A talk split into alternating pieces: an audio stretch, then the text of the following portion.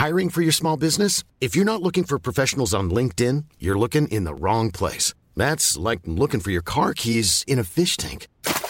LinkedIn helps you hire professionals you can't find anywhere else, even those who aren't actively searching for a new job but might be open to the perfect role. In a given month, over 70% of LinkedIn users don't even visit other leading job sites. So start looking in the right place. With LinkedIn, you can hire professionals like a professional. Post your free job on linkedin.com slash people today.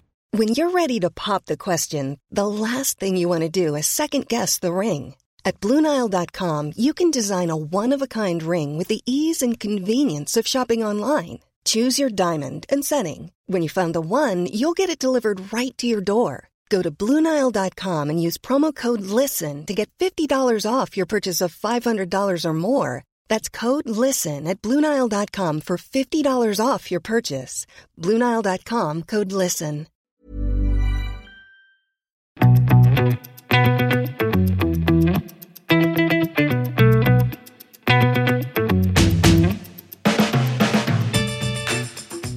Velkommen til en ny episode av Klokkelandslaget, din foretrukne podkast om klokker, naturligvis. Det er meg, Nikolai, og Jon Henrik på andre siden. God aften. God aften. Eller god morgen. De fleste hører jo faktisk på på morgenen eller vei, på vei hjem igjen fra arbeidet, regner jeg med. Ikke til arbeidet? Uh, jo, hvis de hører på morgenen, da. Ja. Spørs om man arbeider natt, det vet jeg. um, I dag skal vi snakke om uh, litt forskjellig. Vi har en liten sånn uh, Det har jo skjedd mye, selv om det er pre Watches and Wonders. Det, det, det, ulmer mye mm, Eller ulmer er kanskje feil ord å bruke, men altså, det er mange ting som brygger, i positiv forstand. Uh, og derfor Ja, vi har litt forskjellig å snakke om, rett og slett. Og vi har også, som vanlig, Jon Henriks gode hjørne og gullkorn fra Finn. På Finn. Så jeg har faktisk mange gullkorn på Finn i dag, så bli med videre i denne episoden av Klokkelandslaget. Mm. Eh, som dere kanskje legger merke til, så har vi litt uh, dårligere videokvalitet i dag, men det er kun i dag. Fordi vi hadde litt tekniske problemer med det vanlige innspillingsprogrammet vårt. Men det løser vi til neste gang, så ingen grunn til bekymring der. Skal vi bare kjøre i gang? Det kan vi. Hva er det første som vi skal snakke om, Jon Henrik? Nei, jeg har jo vært på litt klokkevisninger, da. Man of the world. Og få sett litt på litt forskjellige klokker. Uh, og det er en klokke som jeg syns vi bør uh, i hvert fall prate bitte litt om. Og det er den nye lanseringen til uh, Longin. Pilot, den er jo et par uker gammel. Pilot Majetic. Ja ja, men ny for i år, da. Uh, ja. Det er jo kanskje den første lanseringen til, til Longin i år. Men du har tatt den i nærmere øyesyn? Ja, fordi jeg syns det var en veldig spesiell lansering når den kom. En veldig overraskende lansering når den kom.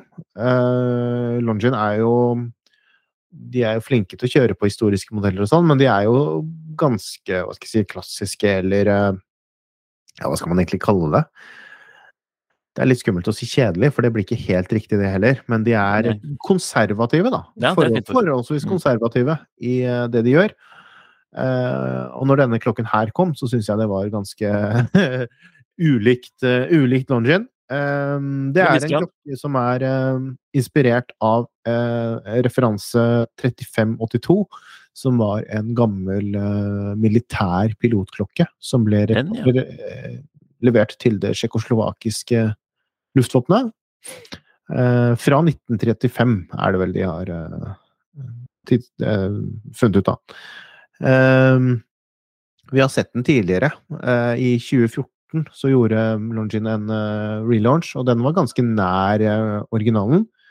Yep. Og jeg husker også at jeg syns det var en av de kuleste klokkene egentlig som kom det året. Fordi den var veldig Føltes veldig Noen klokker da føles veldig bra i hånda. Det, det var utenfor veldig Utenfor Ja, ja, den var kanskje utenfor Tine. jeg husker ikke. Det var veldig sånn, kritthvit lum, om ikke ja.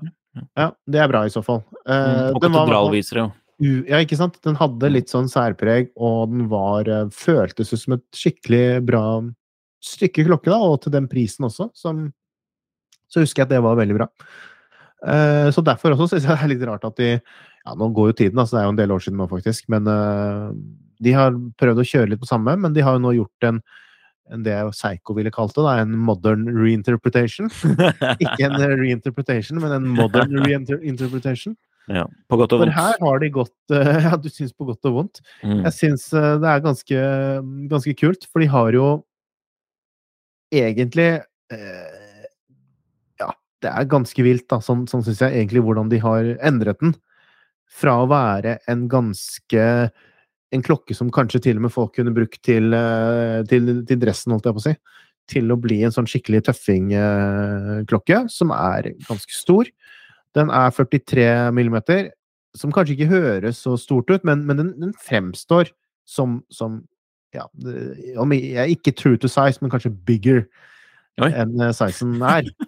og så er den 13,3 millimeter tykk, som jo er sånn, hva skal jeg kalle det, sånn liten large, eller uh, eller noe sånt. Du sitter jo med en sånn IWC, ja ikke nå kanskje, men vanligvis, men IWC ja. Dobbeltkrono, som vel sikkert er en del tykkere enn det også. Ja, den er helt den er latterlig tykk. Så. Men uh, den er liksom Det var Når jeg fikk den på armen, for det var det jeg var litt sånn spent på fordi én ting er jo bildene, og så er én ting hvordan den funker på armen. Så ble det litt sånn uh, Ja, jeg måtte smile litt, for den, den føltes virkelig som en en klokke litt mer i sånn ånd som uh, en Panerai uh, Luminor eller en uh, Big Pilot eller en Tunacan. Ikke fordi den nødvendigvis føles så stor som en, som en Big Pilot, men fordi den var Det er noen klokker som føles litt som en sånn begivenhet å ta på seg, da. Fordi det ikke er en Det er, det er ikke liksom egentlig en klokke, men det er liksom noe annet. Og mm -hmm. denne klokken her føltes litt som som det. At det var litt mer sånn leketøy og litt mer uh, Gimmicky? Jeg vet ikke om gimmick er helt riktig mm, beskrivelse, men Det er jo kvalitet. ja, det også var bra, da. Altså, den, den, for noen store klokker som bare er store for å være store, eller, eller er eh, rare for å være rare, har litt sånn Ja, ikke sant? Mm. Kan jo være litt sånn der tomme. At de føles liksom bare litt sånn derre tomme skall, litt med kanskje en replikabil eller noe sånt, hvor bare man har tatt en ja, Det er jo faktisk visse Panerai-referanser også, dessverre. ikke sant? Men det føltes liksom som skikkelig kvalitet. Det ser ut det var bra finish på kassen, det var bra mm, En ting som jeg faktisk rotet litt med, for jeg har skrevet en artikkel om denne klokken her også tidligere på tidssonen. Uh, og den har jo faktisk også roterbar uh, bezel, en litt sånn spesiell funksjon. Den, ja, men den er jo in, in, integrert, jeg si. Men altså, ja. Indikatoren er in, in, integrert, men Indikator, selve vridegreia er jo på utsiden. Indikatoren ligger jo liksom under glasset, ser det ut som, og så, med sånn trekant. Og så vrir man på beselen utvendig, og så flytter den på seg på innsiden. Men hva var det du misforsto der? Er, nei, jeg trodde den var fast. Ja. Fordi eh, Så jeg rotet litt til der. Først så trodde jeg at den var roterbar, og så trodde jeg en annen merkelig grunn at den var fast. Jeg har hatt en sånn funksjon på en klokke, men jeg husker ikke på hvilken før. Jo, har, jeg tror ikke du har hatt det, men jeg tror kanskje du har uh, brukt det. Uh, okay. Montblanc um, ja! monograf. Red uh, ja, Arrow. Ja, ja, ja. Så det er samme type mm. funksjon. Så det var det jeg kanskje rota litt med først, at jeg bare antok at den var ja, samme, samme det, egentlig. Men den er, ja, jeg syns den er kul. Den har jo kronebeskyttere, da, som ikke den originalen har i det hele tatt. Uh, og, og sånt. Så det, De er greie nok. Men det er jo ting også ved den som jeg ikke liker, som gjør at den blir Altså, den kunne vært Den kunne Den er så nær, da, ved å være en sånn Longini jeg faktisk hadde gått og kjøpt med egne penger. Men det er et par trekk som er litt deal-breaker for meg, og det mm. er eh, For det første så syns jeg skiltet på venstre siden av kassen, det er en uting. De har jo tatt og gravert i 1935 på, siden, på et sånt skilt på siden av kassen. Og det er jo noe man ser fra andre merker også, det, da. Men uh, jeg, jeg syns det bare er Why? Nå har man det er så grufullt. Grufullt. Få det vekk. Nå har man også gått langt fra det originale designet, så hvorfor må man drive og klistre det, liksom? Det, det syns jeg er tullete.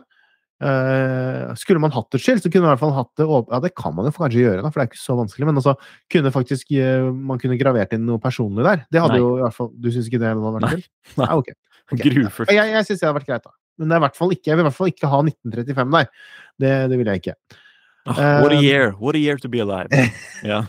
Og så syns jeg det er, er eh, litt irriterende med denne mørkebrune lumen, eller mørkebrun, sier jeg, beige lumen, som er åpenbart sånn det funker estetisk. Helt åpenbart. Det funker jo veldig, og det får den der litt sånn retro-estetikken. Men nå er jo dette her et design som er tatt såpass langt fra originalen at jeg syns det heller vært kult å bare omfavne det skikkelig, og så heller gjort det som en ny klokke, da. eh, liksom skapt litt i samme ånd som originalen, eller whatever, og så kjøre på med nettopp kritthvit loom, eller kanskje til og med en grønn, sånn litt sånn moderne grønn, da, eller kunstig Mm. grønn, eller hva du hvis du skjønner meg, så, sånn på en måte er sånn som man ville gjort en sånn klokke hvis den skulle vært levert i dag. Da syns jeg det hadde vært kult, for da skaper man liksom mer sin egen uh, identitet enn å hele tiden bare Vi ser jo det at det er elementer som er basert på den, på den uh, originale Majetic-modellen, men samtidig så er den såpass langt unna at jeg syns det har vært kult å bare gønne på fullt. Det blir litt sånn Litt sånn halvveis, for jeg tror ikke heller at de som er veldig opptatt av disse vintage-klokkene, er de som kommer til å kjøpe denne her. For, for den er for den er for spesiell, da. Men uh, ja, jeg syns uh, fortsatt Jo, det er en kul klokke. Sånn for å gå ut og kjøpe den personlig, da er det noen mangler, da, som jeg syns. Skiltet. Uff a meg. Skiltet. Ja. Blank pa Invicta-konfigurasjon. ja, Blampa har, jo, Blampa har jo også det, og jeg så også en øh, Jeg møtte også en annen klokke, klokkenerd eh, nå denne uken her, eller som vi spiller inn, og han hadde en uh, Seamaster eh, Den Seamaster 300 meter, mm. SMP, eh, med i titan, som har en sånn jubileumsutgave, og der hadde jo Omega gravert inn på siden av kassen både Seamaster og Titanium. Så det var litt sånn spesielt, da. Så, men det, Nei, ja, det er stopp med det. For det, er, eh, det, det, var, det var jo også litt sånn der 50 Fathoms-aktig Ja. greie. Ja, fordi, men de har jo heldigvis ikke skilt, de har bare altså blank. De har bare, bare gravert inn lo- Ja, logoen. bare, nei, nei og nei og nei, altså. Jeg blir deprimert hver gang jeg jo, ser det. skiltet kan du jo skru av, kanskje, da. Så kan du, og så kan du Kan du- ha et epoksy på siden istedenfor? Ja, Sparkle gjennom. Sparkle. Ja, kanskje. Du kan laservelde det, da. Ja. Laservelde det bort. Det kan vi gjøre. Apropos grufullt. Ja. Moonswatch i fullmåne. Ja. Det har jo vært eh, en ny runde med Moonswatch-hype. Kanskje muligens litt mer eh, enn mindre enn forrige gang. Og mindre hype, mer frustrasjon enn forrige gang, om det kunne være mulig. Ja. Fordi vi har jo sett lanseringen av Mission 2 Moonshine Gold. Altså en standard Moonswatch, bare med litt Moonshine Gold fra Omega på sekundvisteren. Mm. Og dette ble jo da lansert 7. mars Ja. i Tokyo, Zürich, Milano og London. ja. Hvorfor det? Åh, fordi det er vel der man kan se fullmånen eller et eller annet. Eh, Var det noe spesielt grunn til eh, akkurat de fire? Ja, de begrunnet jo liksom Ja, det er jo det at det er der det kommer til å være mennesker da, som skaper hype, men eh, Nei det var Ja. De sa vel også det at det var uh, byer som hadde Storbyer som hadde veldig tilknytning til gull. Historisk til gull. Åh, så, ja, ja. grufullt. Altså, Moonshine Gold det er jo Omega sin eh, proprietære gullegjøring som består av ja, De sier 75% gull, 14% sølv, 1% palladium og mindre enn 9% kobber. Mindre enn Som visstnok skal gi gullet litt sånne overlegne egenskaper, da. Det er, veldig, det er veldig flott uh, altså, eh, Speedmaster og sånn i de altså, eller Omega-modeller med Moonshine Gold. Ser jo veldig, bra ut. veldig. Mm. Så Hvordan var det? Så De, de solgte det ba, Var det bare salg den dagen, eller? eh, Ja, og så skal det bare selges når det er Er fullmåne? Kun klokke for varulver.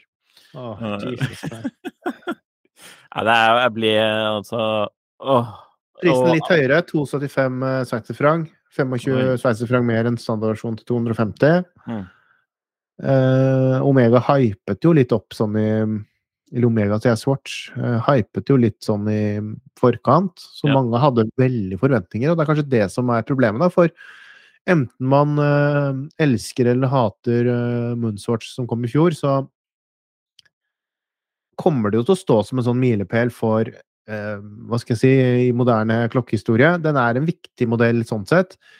Et veldig bemerkelsesverdig fenomen, og jeg syns også en ganske eh, på, på mange måter en ganske mm, innovativ og, og spennende, spennende gjennomføring da, av hele det prosjektet.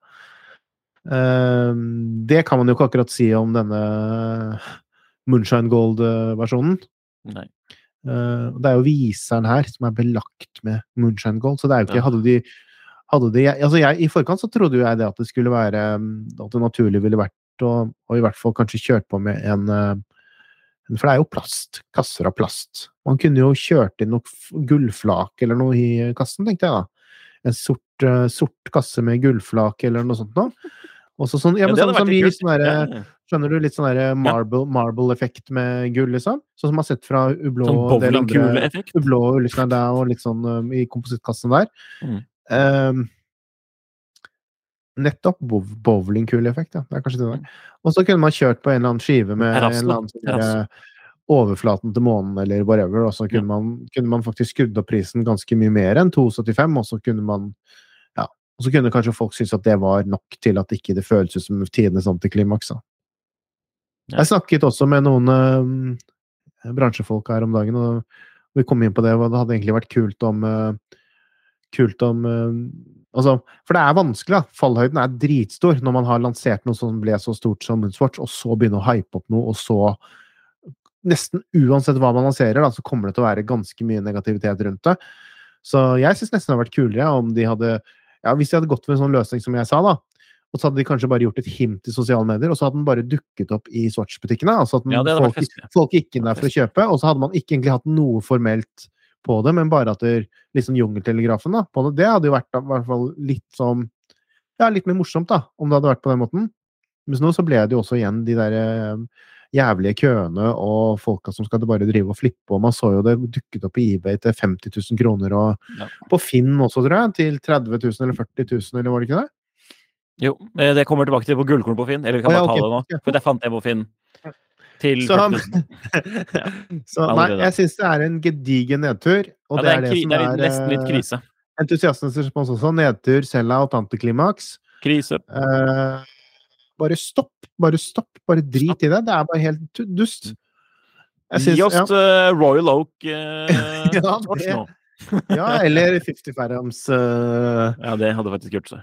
Så skal vi smile igjen og kjøpe og møte, møte over butikken. Eller så er jo Biver sitt nye prosjekt faktisk bare en komplisert Moonswatch, kanskje. Eller en komplisert Swatch-klokke av noe han gjorde At En, en ublå blå versjon. Hva mener du? Men at Biver sitt sånn der hemmelig altså Han driver jo og teaser dette prosjektet sitt, for han skal jo lansere merket under eget navn. Mm. Men kanskje det bare er en plastklokke. Kanskje det er det, eller kanskje det er Mm. en plastklokke med et mekanisk, et veldig high-end mekanisk verk. Ja, det hadde vært festlig, eh, faktisk. Bioceramic eh, ja. Bio Ja, ja. Hoite Plastic Horology. Ja. Yes. I'm Sandra, and I'm just the professional your small business was looking for. But you didn't hire me because you didn't use LinkedIn jobs. LinkedIn has professionals you can't find anywhere else, including those who aren't actively looking for a new job but might be open to the perfect role, like me.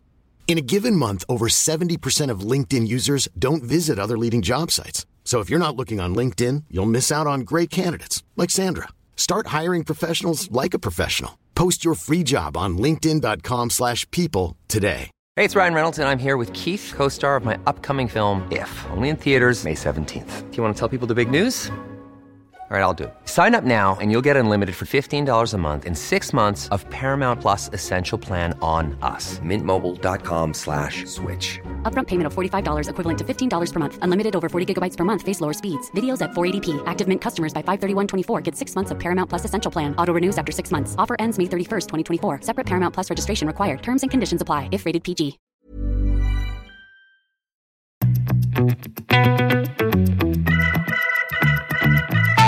Eh, nok om Moonswatch, tenker jeg. Folk har sikkert lest og hørt om dette i opp og ned og mente. Men det skal visst ha vært mer kontroll på køene og sånn da, denne gangen. At de, Swatch var liksom forberedt på hva de skulle drive med, for så vidt. Mm. Apropos ting som skaper køer. Ja. Rolex. Yes. Det har vært noen nye lekkasjer, eh, naturlig nok, på f.eks. Rolex Passion Report, som tidligere har kommet med, med både treffende og ikke fullt så treffende både spådommer og lekkasjer. Og det er eh, ja. Vi skal være litt forsiktige med å ta alle disse ryktene og sånn for eh, og lekkasjene for god fisk, men eh, Absolutt.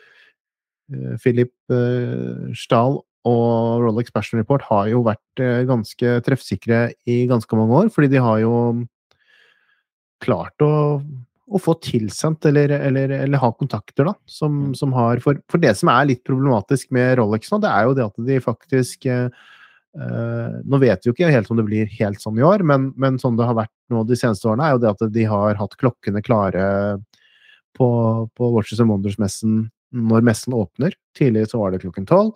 Tidligere kom klokkene senere på året, på høsten, ut, ut, til forhandler. Nå har klokkene vært tilgjengelige ganske tidlig. Noen modeller har vel nesten til og med vært um, ute hos forhandler når messen har åpnet. Så det skaper jo altså, og, med et så kjent, kjent merkevare som Rolex og en så mye interesse rundt Rolex, som selv mannen i gata liksom har fått med seg, så er jo lekkasjer nesten helt klin umulig å, å unngå. I, det kan være en, en, en uh, ulydig ansatt hos en printe, printefirma som lager brosjyrer, eller grafiske designere, eller altså alt mulig. altså til forhandlere som Hva? Printer ikke Rolex brosjyrene inhouse?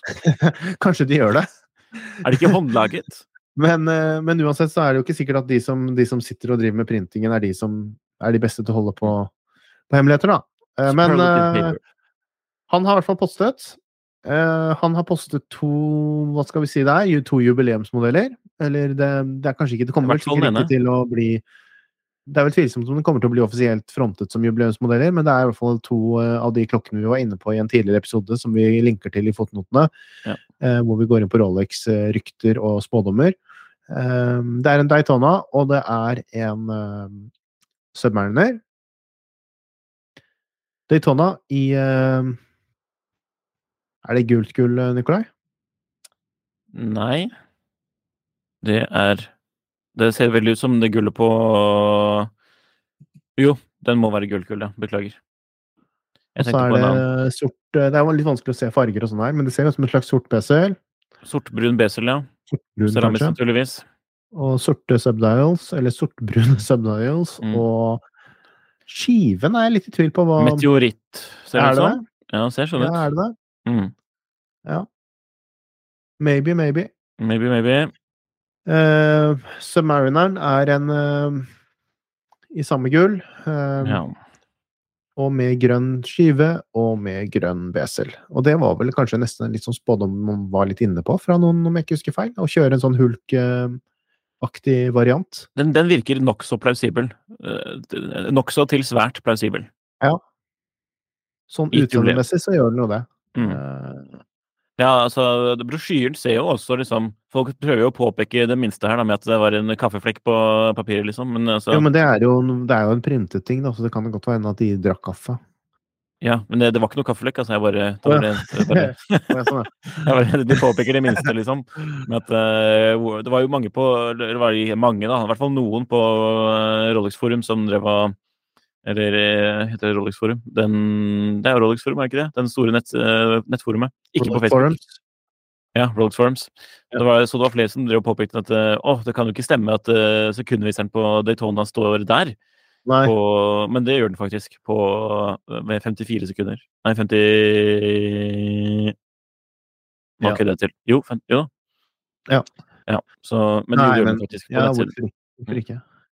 Ja, men Men Jeg syns jo Submarineren ser litt merkelig ut jeg, ved, ved Crown Garden og kronen. Jeg syns kronen sitter veldig langt ut. kronen sitter eh, veldig langt ute, ja, det stemmer. Men så er det jo liksom tatt litt sånn i vinkel, dette fotografiet. ja, det er jo en print, da, og ikke en en, print. eh, Ja. Nei, jeg, jeg vet ikke. Jeg vet ikke. Jeg syns det er vanskelig. Jeg syns det er Jeg hadde På en måte så hadde jeg egentlig hatt vanskelig for å godta disse lekkasjene her hvis ikke det hadde vært fra Rolex Passion Report. Det skal jeg være ærlig innrømme. Mm. Men siden det kommer derfra, så tenker jeg liksom det i forhold til den track recorden man har, så er det sånn at jeg nesten begynner å tenke at dette her er eh, Ja. Jeg tror det ganske Ja. sannsynlig. Ja, Rolex Passion Report skriver jo 'What do you think so far?' Og så skriver Christian Hoyen 'I don't think so much'. Christian også har jo peil, men uh, jeg, tror, jeg tror godeste Stahl har mer uh, Men den krona ser veldig stor ut altså, når, du, når du poengterer det på begge Ja, jeg synes det ser rart ut. Men, ser men, så jo, men, men hvis man har gjort en ellers såpass grei jobb med å, med å manipulere ting, da, hvorfor har man ikke da fikset den dumme krona? Så jeg, jeg, vet ikke. Eh, Et godt spørsmål, men Den har eh, jo også dukket opp på en annen eh, konto, denne her, da. Den eh, samme lekkasjen, eller deler av samme pluss litt til, ja. fra en konto som heter Not Your Watches. Der er jo oh. Men det var bare å si at eh, siden, for at Rogue Special Report de hadde jo eksempel riktig om Tudor P01 når den kom, på forhånd. Ja, ja, ja, de hadde jo riktig med mye, hadde Mm. hatt riktig med masse, så det er Black Ceramic er det på denne Daytonaen, hvis man ser på den andre, på den Mm. Not Your Watches. Eh, de kjører også den eh, Ja, de har ikke bilde av Submarineren, ser det ut som, men de har bilde av en Jeg vet ikke om det er fra samme, altså samme lekkasje, eller om det er noen andre som har tatt bilde av det samme, for det ser ut som det er en brosjyre, da. Ja. Um, de har også tatt en uh, GMT Master 2. Uh, en sånn uh, sprite, som vel heter på Samler uh, folke, eller samler på um, Investor og samler Mm. munne. Um, Investor. og, det, og det er jo den eh, som kom i fjor, som var eh, left-handed, som nå kommer i vanlig versjon. Hvis man skal tro Not Your Watches. Uh, det også virker jo ikke helt uh, Helt usannsynlig, vil jeg Nei. si. Når man først har, har laget beselen og har, uh, har delene til å gjøre det, så why not? Ja. Eh, også en Milgauss. 41 mm, tynnere remfester, 74 timer gangreserve, og det reflekterer vel det at det kanskje er et nytt verk, eh, eller at det er en ny generasjon verk. Uh, Det, er litt, det er litt rart, det her, syns jeg. For det... det er så dumme, ja, men jeg syns det er så dumme argumenter på de der Jeg syns det er så mye dustete folk i kommentarfeltet også, som har bare sånne helt There's 0% chance that's real. It's always shared a case with the Air King, which is 40 millimeters. There's no way they'd go and create a 41 millimeter case just for the Milgauss and keep the new gen Air King at 40 millimeters. Men det er sånn uh, uh, Fordi de har ikke gjort det før. Men altså det er, man, er det noe man har sett fra Rolex de seneste årene, da, så Mm. er det jo det at de differensierer seg ved å kjøre forskjellige ja, både remfester og, og, og, og ting som ikke passer. Altså den derre hva skal jeg si, interchangeabilityen, altså, eller den, altså den der at man kunne dytte på forskjellige ting fra forskjellige modeller, det, det, det har de jo gått veldig bort fra, og prøvd å nesten virke som unngå, ikke sant? At folk skal bare kunne sette på en Det er jo til og med liksom når lenkene kommer, altså, så er man ikke sikker på om lenken, passer lenken til den og den, ikke sant? Selv om det er samme rembredde. At de virker som de bevisst har prøver å liksom skille modellene så godt som mulig innenfor det at de fortsatt skal være gjenkjennelige som Rolex. Så det der er bare sånn dustete kommentar, da, som, som ikke Og, og er, jeg syns det er mye dårlig argumentering da, i, generelt i kommentarfeltene for hvorfor. Mm. Det er mer så enkelt, tenker jeg, da, at det er at enten så lager de det, eller så lager de det ikke. Og så må man nesten vurdere ut Ja, fra, ja, ut fra kilden om det er Jeg eh, syns det er litt festlig at det Hvis det er noen som virkelig har kost seg i kjelleren her, og så laget eh, ja, litt sånn fake eh, pamphlet, og så sendt Ja. litt diverse bilder i forskjellige vinkler og forskjellige lys Ja. til forskjellige kontoer, ja, ja. for å se om noen biter på. ja, men hva, Mm. hva er det liksom å bite på? Det er jo ikke noe som er noe sjokkerende eller noe Nei, men det, er vel noen som har det, altså man kan, det kan jo ha vært utrolig festlig for noen, det her. Ja, da har de dårlig humor. Ja, Vi sitter jo og snakker om det nå, da, så jeg syns det er bra humor, jeg, for så vidt. Ja, ja. Uansett. Mm, En ting til som uh, vi nevner i dag, det er jo at Andy Warhols Patek Philippe har blitt solgt for 1,2 millioner kroner. Skrev en liten uh, artikkel om det som kommer i Kapital om ikke så altfor lenge. Eller kanskje er ute når dere hører på her. Ja. Mm, nei, da kommer den på fredag når du hører på. Sorry. Hvilken Um, Patek er det? det er jo en 52 Nå spurte du for vanskelig, ikke sant? Fordi jeg hadde jo notert meg dette. Men Ja, det en- nå sitter jeg på en Det er 52 Nei, 25. 26. Beklager. Ja. Så det er jo en Calatrava med dobbel porselensskive. Mm. Nydelig! Og så er den uh, dobbeltsignert da, med uh, forhandleren i, i Venezuela. Uh, men jeg synes det er Den gikk jo for bare 1,2 millioner kroner. Holdt på å si 100 og et eller annet tusen dollar. Ja. Ink salær. Jeg syns det, for, synes det er litt sånn morsom med mulighet til å snakke litt om hvor mye proveniens i form av kjendisstatus hvor Mm. mye det har å si.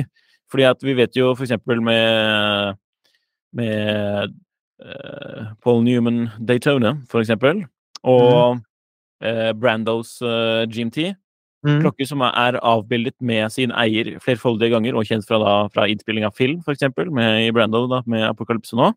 Mm. Hvorpå Andy Warhol, som hadde en samling på angivelig da, over 300 klokker, som ble funnet i hjemmet hans etter hans død på 80-tallet, om jeg ikke husker helt feil. Eh, hvorpå man ikke Jeg greide i hvert fall ikke et- en, en, å finne bilder hvor han brukte denne Pateken. da. Så det viser jo litt sånn hvor At det, det er ikke bare nok at Warhol eh, hadde eid den uh, Pateken. på en måte. Altså, Så, så hvis han hadde vært mye mer forbundet til den spesifikke klokken, ville jo den gått for mye mer, vil jeg tro. Mm. Mm. 1,2 millioner er jo sånn nokså rimelig i det store og det hele. Det er jo en ganske Ja, ja. sjelden referanse der. Det ble jo produsert bare et par tusen i forskjellige utgaver.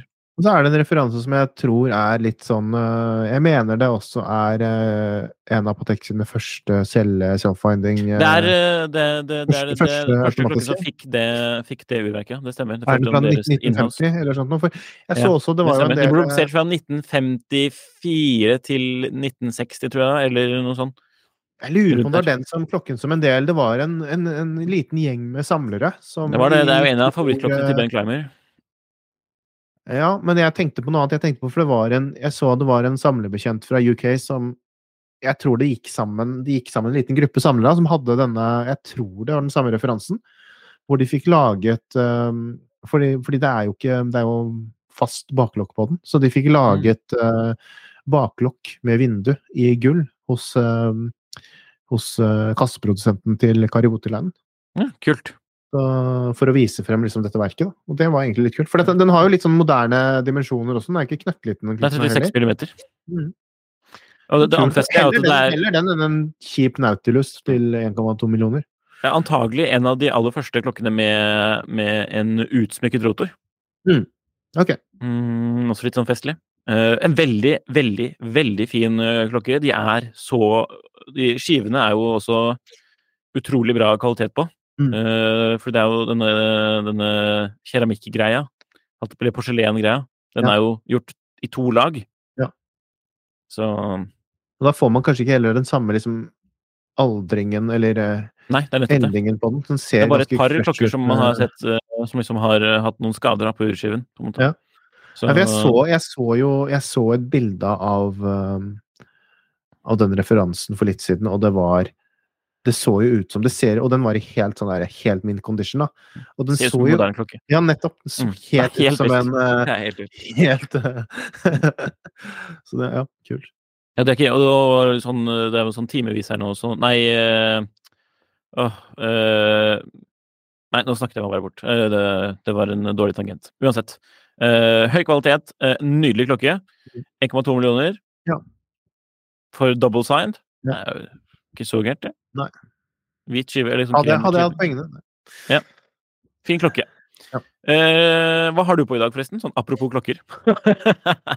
Jeg har på min uh, En sjelden gang så jeg har tatt på meg min Oh. Speak Marine Ja. Spirit eh, Pioneer. Artig. Vi skal jo hilse på Speak Marine i ikke Peter, men uh, merket i, uh, Genève. Mm. Når vi skal dit nå i slutten Jaha. av måneden. Vi må jo innom. Så jeg har gått så mye med det du kaller for dressklokke i det siste, så jeg tenkte det var Mm. greit å ta på noe litt annet i dag. Ja, ja. Det er så fjong, altså. Jeg går med en 6105 Willard Psycho Vintage fra 70-tallet. Ja. Eh, som vanlig. Jeg, vet, eh, ikke, jeg, jeg har gått uh, uten den en stund. Ja, for du har gått med min Citizen. Tidenes budsjettkonge, Citizen. Ja. Ja, ja. Syns du den er fortsatt er grei? Helt nydelig. Ja. Ypperlig. Så, så bra. Så bra. Så det har ikke endret seg. Jon Henriks hjørne, tenker jeg Ja, det er tid for. Jeg vil gjerne lese opp spørsmålet fra okay. Anders Hauge. Jeg har allerede en aldri så liten samling med mekaniske klokker som ikke koster all verden i seg selv. Alle under 15 000. Og det kommer flere. Smilefjes. Overalt hører man at klokkene skal på service hvert tredje til femte år, noen merker sjeldnere. Men hva er egentlig vanlig å gjøre i praksis? Spørsmålstegn. Spesielt de klokkene som ikke koster noe særlig mer enn servicen. Hvor ofte har dere egentlig deres klokker på service, og skiller dere mellom dyrere og billigere klokker? Vil klokker i samlingen som brukes sjelden også kreve sjeldnere service? Fordi med mange klokker i samlingen så må det jo bli en betydelig utgift om man skal holde seg til den anbefalte hyppigheten. Godt Ja. spørsmål. Yes.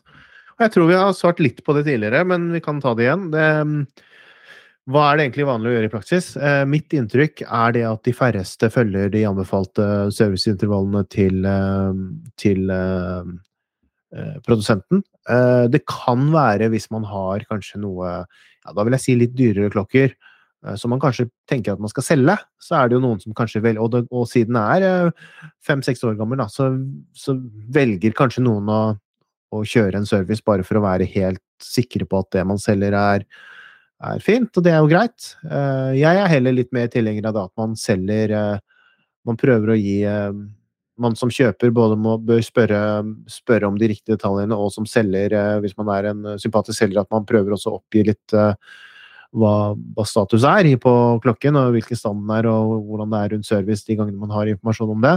Absolutt. og så heller reflekteres det i prisen, om den er er det en ti år gammel klokke som aldri har vært på service, så ok, og, og servicen er en betydelig, betydelig kostnad, jo, selvfølgelig da tenker jeg at må for, den må gå for en litt lavere pris enn samme modell som er eh, kjøpt i går. Så Men det føler jeg egentlig at de fleste, i hvert fall er, når man har kommet litt inn i klokkegamet, at man, er, eh, man, man, skjønner den biten der. Uh, nei, jeg har jo klokkene mine sjelden på service. Stort sett bare når, når det er noe som uh, enten at noe er helt galt, at den har stoppet opp, eller at det er noe feil, eller at den går fryktelig, fryktelig um, galt. Um, hvis man har en sånn um, timegrapher, eller en sånn um, tid, tid, Hva skal man kalle det? Tid på no godt norsk? Nei, vi kaller det bare en timegrapher. Yeah. En maskin som måler uh, data på, på, urverket, og som kan gjøre det på en måte fra utsiden av klokken. Man setter klokken i en sånn holder, og så analyserer den lyd... Ja, det er jo lydsignaler, da.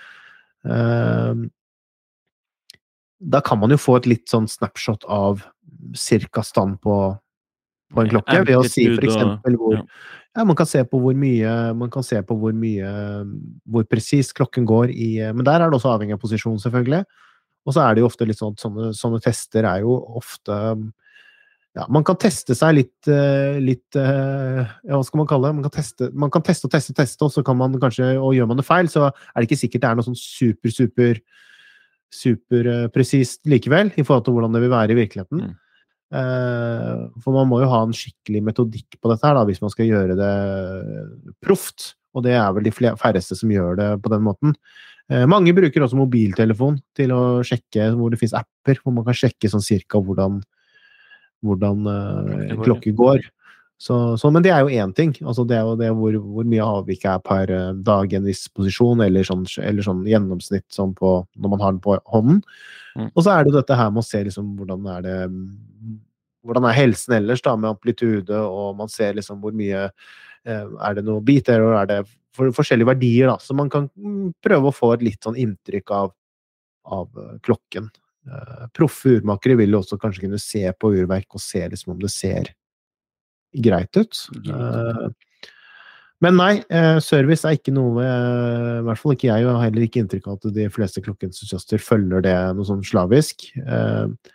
men noen ganger så klart så kan jo dette serviceintervallet gi en sånn pekepinn på når det vanligvis kan være At man ikke bør være overrasket om noe, om noe trenger service etter fem år, da, for å si det på den måten. Så har man jo hørt sånne grove historier om folk som aldri har servet uh, subben sin liksom siden 70-tallet, og den fortsatt ja. ikke det går. Så det er jo jo, jo. Og så ja. har man også hørt historier om noen som ikke har gjort det, hvor det har vært både vann og ja.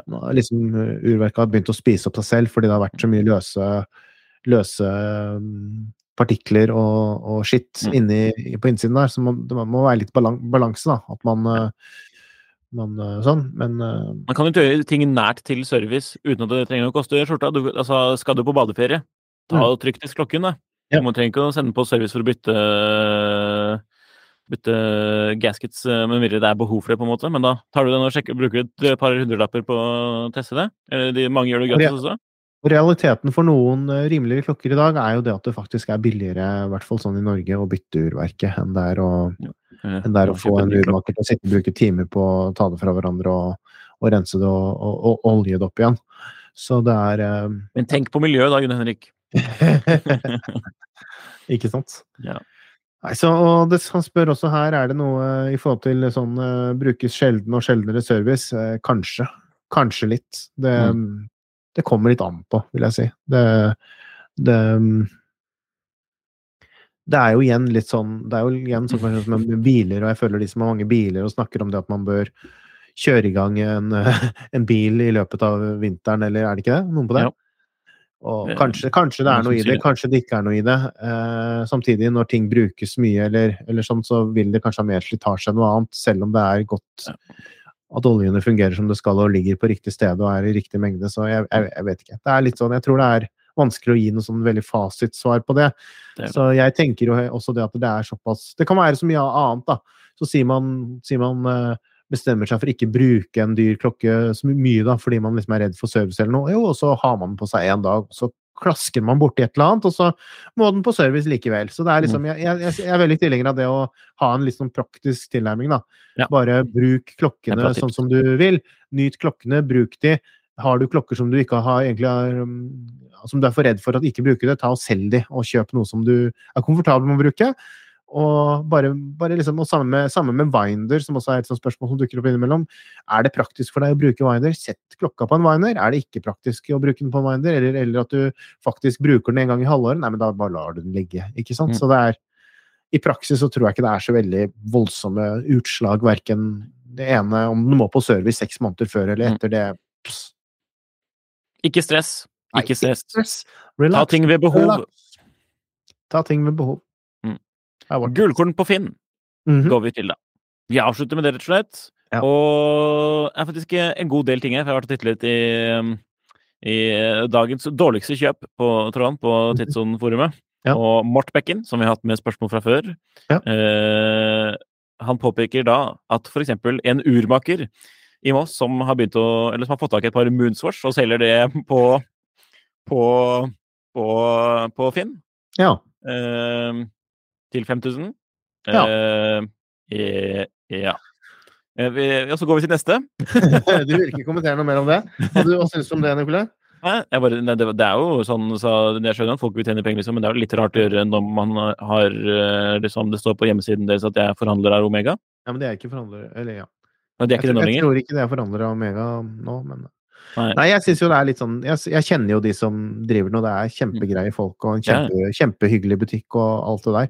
Men det er litt sånn, sender kanskje litt sånn feil signaler, da, sånn at man burde tenkt på det, hvis man er opptatt av det, da. At, I Ja. hvert fall på en, sånn, på en sånn modell som er såpass uh, som er såpass uh, mye omdiskutert. Mm. Men, men på den annen side så er det jo mange av disse tradisjonelle brick and mortar-urmakerne som eh, nå har begynt å lete litt etter andre måter å drive butikk på, rett og slett Ja. av hvordan markedet er, og det har jeg all respekt for. Og, og det å Med pre-owned og, og hva skal jeg si, import av andre merker man kan, ikke nødvendigvis uh, fører selv eller har ført selv. og og sånn, ja, Go for it, bare man gjør det ryddig og, og sånn. Og det, og det ryddige er jo disse karene i Moss, så liksom det er bare det er sånn.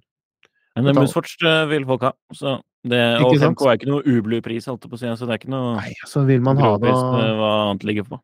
heller support your local uh, urmakersjappe enn uh, your local investor. Ja. your local investor, ja. Egentlig, Det det, det, det syns jeg. Da gikk vi, da gikk vi fra, fra, fra gullkort på Finn til kjøpsanbefaling. Men uh, den, den er jo litt verre, vi har Men vi har noen virkelige gullkorn eh, her. Uh, det må vi også si. Ja. For her er det jo en um, 1965 Omega Seamaster takimeter kronostopp som er annonsert på finn.no til 200 000, og Ban, det er brukeren Ban, som har, eller Ban, som har påpakket dette i Tidssonen-forumet. Mhm. Og han, eh, i annonsen står det følgende. I særdeles velholdt stand, ifølge spesialurmaker, verdt 70 til 90 000 i dag, men vil i løpet av to til tre år stige proporsjonalt i pris! utropstegn. Kanskje ca. 150 000 til 300 000 i 2025-2026. Aner ikke hvorfor. Slik er det bare!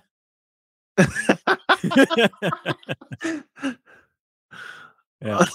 Det er jo kult. Men eh, klokka, den har, den har, ifølge selger så har den jo faktisk tilfør, tilhørt en ekte jagerflyger. Ja, det er kult. Det er en kul Eh, klokke, for all del. Ja, det er en dritkul klokke. Og den har jo litt sånn kultstatus allerede, som, som vedkommende skriver. Ja. Så, men det er liksom det der å drive og, og, love, eller ikke love, men å liksom kanskje Altså, nei, å drive og selge sånn med tanke på fremtidig pris. Ja, ja, ja. Ja, og så i selv, altså, selv skrive verdt 70 000-90 000 i dag, men vil i løpet av Altså, Også si jeg selger for 200 000! Ja. Ja. Snakk om å hente inn fremtidig Ja. verdi Så så står det til slutt, da. Så når denne tar av, sky's the limit. Hvor mye lå den ute for, sa du? 200 000. 200 ja, fordi den var Å ja. Så, Oi, oi, oi. Men eh, dritfet klokke, da. Jeg, jeg er Ja. ikke inne på en sånn. Ja, Liksom. Det. Men akkurat det der Akkurat det med sånn verdi og sånn, det for syns jeg er Det er litt rart. Hvor mye er det noe sånt skal, skal gå for han, mener du? Eller eh, er det mulig å gi en range? Det er jo litt skummelt å gi noe, gi noe veldig konkret, men altså det, har jeg ikke, ikke lyst til å befatte meg på i dag. Men eh, når, når spesialurmaker sier Ja, at ja. er, i dag er prisen 70-90, så virker det jo litt finurlig å selge til 200 ja, med ja, ja. ja, ja, absolutt. I hvert fall fra Under screenshotet her. 100 kan under 100 at, kan vi eh, vel si Prisen har eh, blitt redusert Uh, Vi kan jo sjekke nå, da. Men, Men vi kan, eh, vel, vi kan vel i hvert fall si under 100, da. Eh, må være et mer riktig, i hvert fall eh, hvis vi skal stole på spesialurmakeren. Ja. Øh, jeg vet ikke Hvem eller hva Nei, nå skal jeg være Omega Speedmaster, vet du. Ja. det ligger fortsatt ute til eh, 200 000. Da. Ja, det er mye penger. Ja, mye penger. Mm. Yes. det, er, er en festlig tekst, altså. Det skal, det skal Snikksnakk, smiger og sullball blir bare kastet rett i søpla. Å ja. Jeg liker logikken, da. Ja, ja, vi gjør det. Vi, vi ønsker lykke til med, med Uh, Takk for at dere hører på Klokkelandslaget. Jeg tror det var det vi hadde for i dag. Um, hvis dere liker podcaster, så må vi bare anbefale å lytte til flere av Finansvisens podcaster. Og hvis dere liker klokker, så må vi anbefale å sjekke ut tidsson.no, snakke litt på forumet, sende inn spørsmål til podden, osv. osv. Husk å rate. Like, rate and subscribe, som vi sier på det store YouTube. Eh, og med det, ha det godt.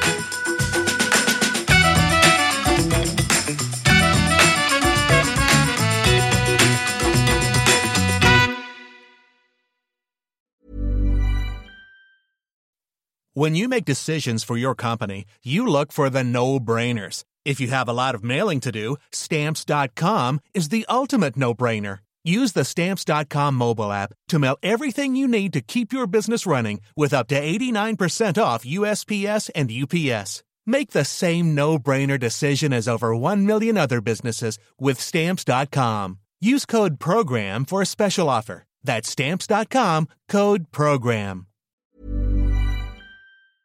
Klokkelandslaget er en Finansavisen-podkast i samarbeid med Tidso. Programleder er Nicolay Giel og Jon Henrik Haraldsen. Produsent er Lars Brenden Skram. Podkast- og videoansvarlig er Marius Mørk Larsen. Og ansvarlig redaktør er Trygve Hegnar.